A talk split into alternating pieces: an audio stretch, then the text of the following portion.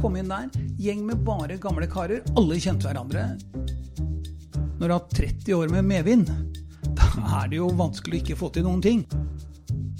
For vi hadde ikke hjerte til å gå en vinter med at unger og ungdom skulle bo på gata. Det er jeg ikke noe tvil om min beundring for Italia. Bak fasaden med DJ og Rønne. En podkast fra Estate Media. Velkommen, Gunnar Bøyum, administrerende direktør i Asplin Ram. Du tok over som sjef etter legendariske Peter Groth, etter å ha gått i lære hos han. Eh, Hvordan var det å hoppe til Wirkola? Først, eh, tusen takk for hyggelig invitasjon. Og det å hoppe etter Petter Groth, det var for meg utfordrende, spennende, men jeg var jo veldig heldig, for jeg hadde gått i lære hos Petter i hele 90-tallet, og eh, videreførte mye av de gode tanker, ideer han hadde, og vi sammen også hadde, om byutvikling.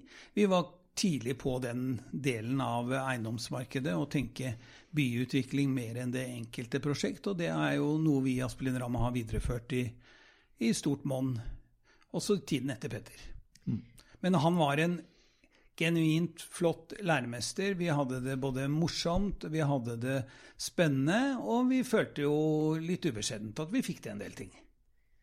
Gunnar, du startet jo i eiendomsbransjen i 1985, det året jeg ble født. Jeg sier ikke mer. Jeg visste ikke at du var så gammel, jeg. gjorde, gjorde ikke det? Jeg har drevet og mobbet uh, litt sånn eh, eldre karer lenge nå, så jeg trengte å få den. Eh, hva tenkte du på den første eiendomskonferansen da, der du kom inn, når du så de folkene rundt deg? For det første syns jeg du skal fortsette å mobbe eldre karer. Det syns jeg er en plikt for, som, en, som en ung kvinne. Men det første som slo meg her eh, i 1985 Jeg hadde jobbet liksom med eiendomsbransjen noen uker. så Jeg tror det var helt, var City-konferansen den gangen, husker jeg ikke helt. Men i hvert fall kom inn der. Gjeng med bare gamle karer. Alle kjente hverandre. Den eneste jeg kjente litt fra før av, var Christian Ringnes. og Han forklarte meg at på første benk der satt Olav Thon, og han var liksom kongen i klubben. Eh, Så tenkte jeg at dette var jo veldig utfordrende. Hvordan skal jeg få noe plass her? Ja, Men det har forandret seg nå. Ja, heldigvis. Fordi eh, jeg tror det er et uttrykk for både at bransjen er blitt større, bransjen er blitt mer eh, eh, profesjonell på mange måter. Nepotisme i mindre grad. Veldig stort fokus rundt eh, faglige kunnskaper og kompetanse, om det er byutvikling, om det er finansiering, om det er bygging, hva det måtte være. Så jeg tror jo vi er blitt en stor bransje. Den gang når jeg begynte med det, var det to børsnoter. Det var Ola Thon og Realia. Realia er nå borte. Ola Thon lever fortsatt både fysisk og som selskap i beste velgående. Så det har jo liksom blitt en helt annen dimensjon på, på bransjen. Og det er jo også viktig med tanke på framtidig rekruttering. Jeg husker, eh, det blir jo da sikkert ti år etter at eh, du begynte, eh, så bare snakka de om tigangeren. Altså hvis du kjøpte en eiendom ti ganger leieinntektene, så ble det bra. Eh, og det, det virka rett og slett som en bransje som var veldig lite komplisert. Da. Eh, har, har eiendomsbransjen vært, har det vært for enkelt å drive med eiendom? Ja, Tigangeren er lett å regne ut. Bare legge på en null. Ikke sant? Eh, og, så, og, eh, og, og det var jo normen. Og det var jo ikke bare tigangeren på, på verdisetting. Når man skulle drive med utvikling, så var det stort sett å legge et blått teppe. Det var veldig inn i slutten av 80-tallet. å male veggene hvite. Da hadde man gjort eh, kontorutvikling, og man fikk leietagere. Eh, I dag så ser vi helt andre krav. altså Leietagere er opptatt av hvilken miljøkategori er bygget, effektivitet, eh, ventilasjon, tekniske, tekniske forhold. Så det var mye enklere før. Du sa jo at bransjen har forandret seg, det har kommet flere kvinner til. Eh, dere har jo en betydelig kvinneandel. Har dere jobbet mye med å løfte frem kvinner eh, i Asplin? Nei, vi har vært heldige med å ha fått flinke jenter på laget. Og vi har aldri drevet med kvotering, for jeg tror hadde vi sagt det til noen av de jentene hos oss, hadde de slutta på dagen. Så vi har bare vært heldige på det, og, og det har jo ikke gjort noe at man har fått en, en blanding, og vi ser jo det kommer mer og mer. Vi ser jo det bl.a. på NTNU-studiet nå på bygg og miljø. Der er over halvparten jenter. Jeg husker når jeg var sjef i Skanska, så var det på rundt år 2000, da var kanskje 25% jenter. Så det må forandre seg. Det er mye, blitt, mye, blitt en del flinke folk i bransjen, eh, som da er unge. Eh, men er det, er det for få av dem som har opplevd noe skikkelig smeller og nedturer? Ja, det er jo fristende å si det. For det, det, mine mest lærerike år i denne bransjen var fra 1987 til 1992. Når det var ordentlig krise, langvarig finanskrise med kjempehøye rentenivåer, og du så verdien av soliditet. Du så også verdien av eierskap. Hvem er eiere? Hvem står, står der i krigen når det, når det, blåser?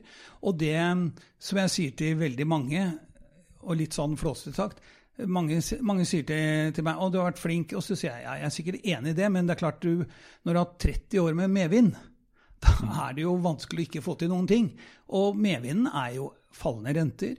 Vi har hatt en eh, befolkningsøkning som har gjort at markedet har blitt større. Vi har hatt en urbanisering som har gjort at de markedene vi har jobbet i, Oslo primært, har, har vokst. Og jo, den medvinden har jo gjort at bransjen kanskje har fått en for høy grad av selvtillit. For eh, blir, det går jo litt fortere på ski med medvind enn motvind. Kommer motvinden nå? Ja, Det er jo noen ganger vi sier det håper vi. fordi ja. Hvis ikke så blir jo smellet enda større. Og, og, det er jo grunn til å være mer og mer pessimist for hver dag som går, og det ikke kommer en, en smell. Vi, vi, trodde jo selv at uh, pandemien som startet 12.3.2020 eh, skulle gi en helt annen effekt enn det den har gjort. Og jeg husker vi satt jo i kvelder og, og, og, netter med sårbarhetsanalyse, så slo ikke det til. Til vår store overraskelse. Vi tapte masse penger på hoteller som ikke betalte eh, husleie, for det var ikke noe grunnlag for husleie, for det var, det var omsetningsbaserte leier. Men så slo det ikke til, litt fordi vi så en flom av penger som ville inn i eiendom, samtidig som, eh, som veldig mange aktører så liksom over pandemien. Og så vet vi jo ikke hva den neste pandemien måtte hete, om det er, eh, om det er rentesmell eller krig i Ukraina eller hva, hva, det måtte være. Men jeg tror vi skal være Jeg tror vi skal tenke sårbarhetsanalyser, og ikke minst se på gjeldsgrader, og ikke minst kunders betjeningsevne av forpliktelser. Mm. Hva, hva, tenker du på disse syndikeringsaktørene? De handler jo som Eller i fjor handla som gale og fortsetter inn i 2022. Ja, de er i hvert fall eh, noe mer kortsiktige enn det vi, har valgt å være i Aspelin Ram. Eh, vi ser at de er, eh, de er flinke på å, å, å, jobbe med transaksjoner. Veldig mye av deres motivasjon er å gjennomføre transaksjoner. Samtidig som Samtidig som vi er noe mer usikre på hvordan det er å være kunde i et sånt system, fremfor kanskje et mer eh, langsiktig system. Og vi eh, er jo ekstremt opptatt i Aspelin Ram at det er kundene som betaler lønna vår og regningene våre, slik at vi har enormt fokus på nettopp kundehåndtering, kundebehandling. Og eh, som kunde ville jeg jo ikke likt at jeg hadde hatt en eier som du kanskje ikke vet er der om tre år eller fire år eller fem år. Her hører du noen av de 3500 ansatte som jobber i For Service. Menneskene er vår viktigste ressurs og suksessfaktor. Så når For Service er opptatt av bærekraft, handler det også om den sosiale delen menneskene. Gjennom rekruttering, nye arbeidsplasser, kompetanseheving og riktige samarbeidspartnere jobber For Service for å gi muligheter til mennesker. Også de som i dag står utenfor. Alle må starte et sted. Les mer på forservice.no. Dere har jo en ganske stor eh, svensk virksomhet. Hvorfor gikk dere inn der før mange andre fikk Sverige på radaren? Vi eh, jobbet primært i Oslo, og så, og så, så vi at skulle vi ekspandere, så kunne det vært til andre norske byer. Men da var det også like spennende å se på en, en risikohedge å gå inn i et helt annet marked, som var Sverige, hvor, hvor ta Göteborg, da, hvor vi er mest aktive, er Når var det? Det var i slutten av 90-tallet, 90, fra 95 og 96 og utover, hvor vi så muligheten til å være i en by som både er dynamisk med handel og industri, og en størrelse som vi kunne kjenne oss igjen i, i forhold til, eller sammenlignet med Oslo. da. Hva er det liksom de største forskjellene tenker du sånn byutviklingsmessig med Göteborg og Oslo, siden dere jobber i begge byer?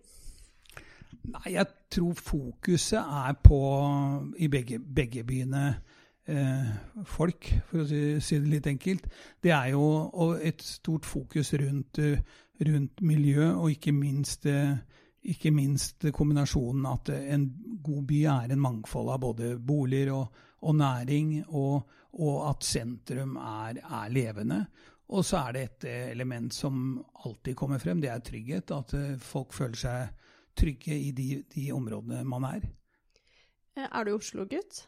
Ja, jeg er, eh, jeg er en gammel uragutt og oppvokst i bakgårdene bak eh, Slottet, så, så jeg, er, jeg, jeg er litt opptatt av byutvikling og tar, tar det bakfra, mens det har jo vært en og, det har jo vært morsomt å se byutvikling. Når man snakket om det tidligere, så var det, var det stort sett ett og ett prosjekt. Nå er det mye mer en fokus rundt større, større områder. Et større grep. Men fortell litt om hvordan du var som barn og ungdom. Som barn Jeg tror Bør ikke tro meg, men jeg tror eh, ettermælet er at jeg var ganske lydig og, og, og høflig. Man eh, vokste opp i den tiden hvor man takket når man fikk og bukket når man gikk. Så, så jeg, tror jeg, jeg tror jeg var det. Jeg var også eh, ganske sjenert. Hvis noen spurte om navnet mitt, så kunne jeg rødmet. Det er du ikke nå.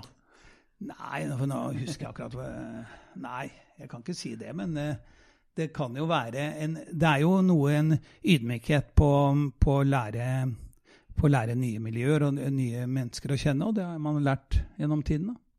Er det sånn, Bor du på Tjuvholmen? Nei, det har jeg gjort. Jeg har vært en av de få utviklere som har bodd i sitt eget bygg. Ja. Eh, det har, jeg, har vi gjort, og nå bor vi på Frogner. Og, så, men jeg husker jeg sa til min kone når vi flyttet på Kjøben, vi skal ikke bo her til evig tid. fordi det er noe med det å bo der du selv har vært jobbet hele tiden. og eh, ja.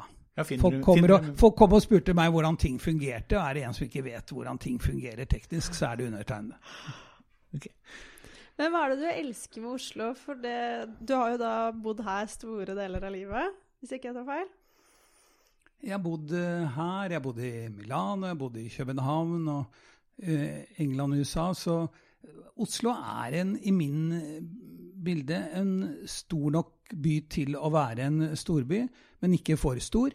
Og så tror jeg vi har ikke minst sett nå gjennom den perioden med en pandemi, det er jo ganske trygt eh, og godt samfunn vi lever i. Jeg husker når jeg dro fra USA, så tenkte jeg til meg selv her kunne jeg godt bo hvis jeg hadde hatt garanti på å være steinrik hele livet. Det trenger du ikke. Det er, garan det er fint å være det sikkert i, i andre land nå, men eh, den garantien er ikke så påkrevet i Oslo som andre steder. Mm. Litt tilbake til byutviklingen som du starta å prate litt om, eh, eh, hvor du gjorde en del sammen med Peter Groth. eh, Men eh, hvor viktig er byutvikling for deg, og, og hvorfor er det så viktig? Ja, det, det er jo litt av det å skape noe nytt, og skape noe som folk der ute trenger og har behov for. Og vi sier jo at det er jo markedet som bestemmer hva vi skal skape og lage. Og det er jo å skape, dekke noen behov, om det er, om det er boliger eller kontorer eller næringsarealer, hva det måtte være.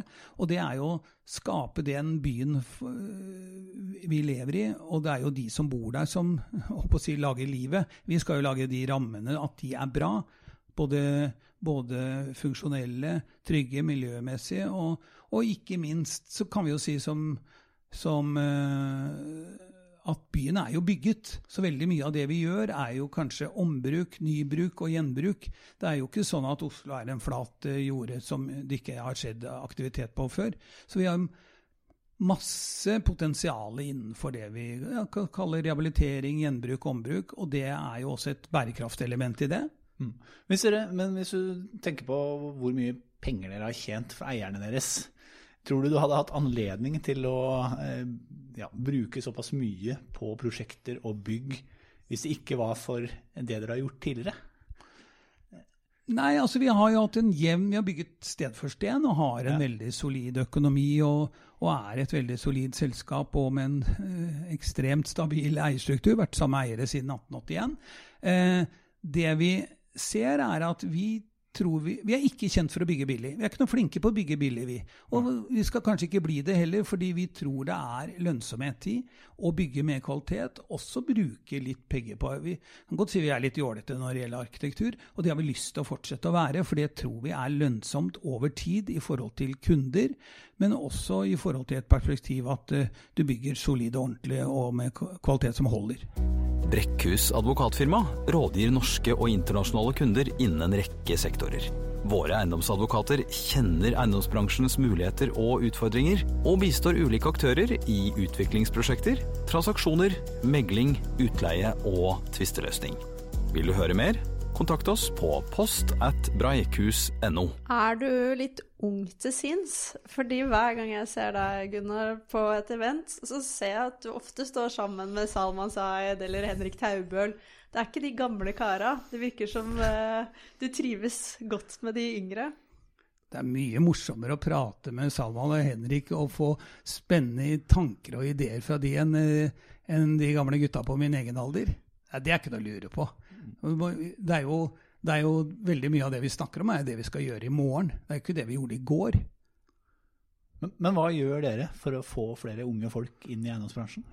Nei, vi gjør mange ting. Vi har eh, bransjens mest attraktive sommerjobber sammen med Sveko, som, eh, hvor studentene virkelig får prøve seg i det re reelle liv.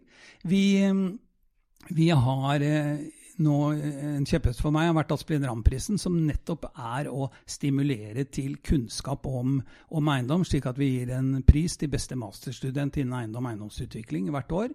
Så har vi hatt mye samarbeid med utdanningsinstitusjoner, med forelesninger. Vi skal neste måned være aktiv partner for NMBU med Urban Lab. Og eh, vi er i gang med rekruttering for første gang på veldig, veldig veldig lenge å få inn trainees, slik at vi kan få en fornyelse i, i både tankesett og, og, og selskap. Hva tenker du at er det viktigste man kan lære unge mennesker i dag? Litt en, være litt den uredde. Den, den, den, noen ganger kan du kalle det naivt, men noen ganger så er det fullt av selvtillit også. Det der å være litt den der uredde Nå gjør vi det.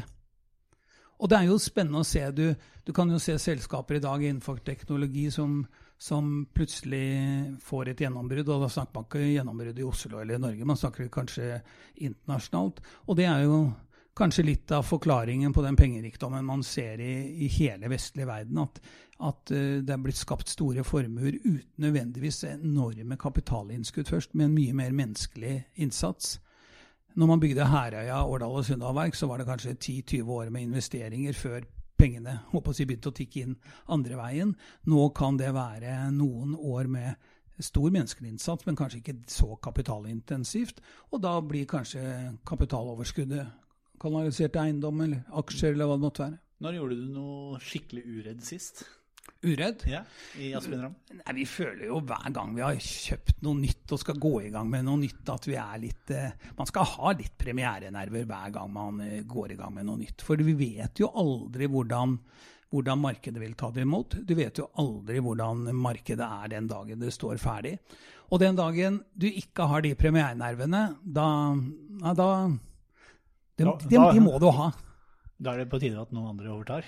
Ja, da kan det jo bli Én ting er å være selvsikker, eller hva det være, men du, du må ikke bli så selvsikker at du ikke, blir, at du ikke ser risikoen.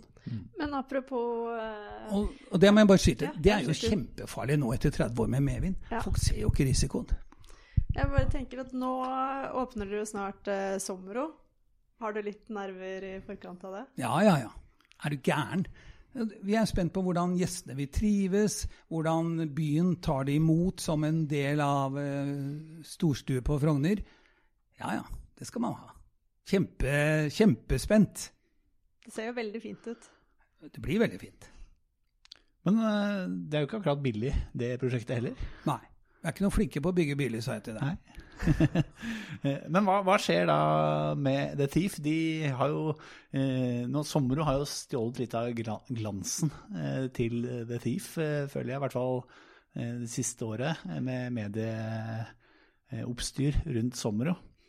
Eh, Thief le lever i beste velgående, har fantastiske tall selv under pandemien, hvor staycation og, look og nasjonale gjester har tatt plassene til internasjonale. Så, men, og at nyhetsbildet er jo alltid preget. Det vet jo dere som journalister. Dere er jo g g hunder etter nyheter. TIFF er ikke en nyhet lenger. Nå må vi bare sørge for at den bevarer sin sterke posisjon og, og eh, gode tall. Så storhetstiden er ikke over. Nei, nei. Men du er jo opptatt av bransjens eh, posisjon i samfunnet. Eh, ville du heller blitt politiker? Nei, Da tror jeg ikke så mange hadde stemt på meg, og så ville jeg jo ikke passet inn, for jeg, er jo, jeg har litt for lite filter i en del uttalelser til at det ville fungert bra på Dagsrevyen. Men Er det ikke akkurat det vi trenger? Da? nei, jeg har ingen ambisjoner i den retning. Men Ville du stemt på han som Jeg ville politiker? stemt på oi, tusen det, takk. Det var hun. Ja, ja, da tror jeg du vet hva du får. Jeg tror mange ja, hadde Ja, likt det. det var den ene stemmen. Men det, det, du må jo Tror ikke det holder, du ellers. Takk for tilliten. Nei, når jeg er opptatt av bransjens um, posisjon i samfunnet, så tror jeg det til syvende og sist henger sammen med Det henger sammen med politikk. For det er hvordan hvordan eh, styre og stell ser på oss som en aktør som gjør det de selv ikke gjør. Vi sier jo litt eh, flåsete vi bygger alt det stat og kommune ikke gjør, til et marked som etterspør det. Så er det et viktig element i rekruttering, ikke minst av unge mennesker. De er opptatt av hva de skal jobbe med, og hvilken posisjon, hvilken samfunnseffekt det selskapet har. Det er ikke bare fin tittel og fin lønn, det er veldig mye hva du, hva du kan fortelle om på gamlehjemmet, at du har vært med å skape. Derfor er den rollen viktig. Og jeg blir liksom litt eh, hva skal jeg si, oppgitt på bransjens vegne når det blir for mye fokus rundt, rundt formuer og verdier, istedenfor effekten av det man gjør, og effekten av det man skaper i forhold til hva samfunnet trenger.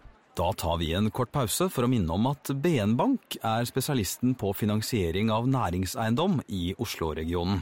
BN Bank er en rendyrket eiendomsspesialist og kjennetegnes av hurtighet, fleksibilitet og forutsigbarhet. Gode løsninger sikres gjennom medarbeidere med høy kompetanse og sterke relasjoner til kundene. Kontakt BN Bank nå. Er du stolt av å jobbe i Aspelin Ramm? Ja.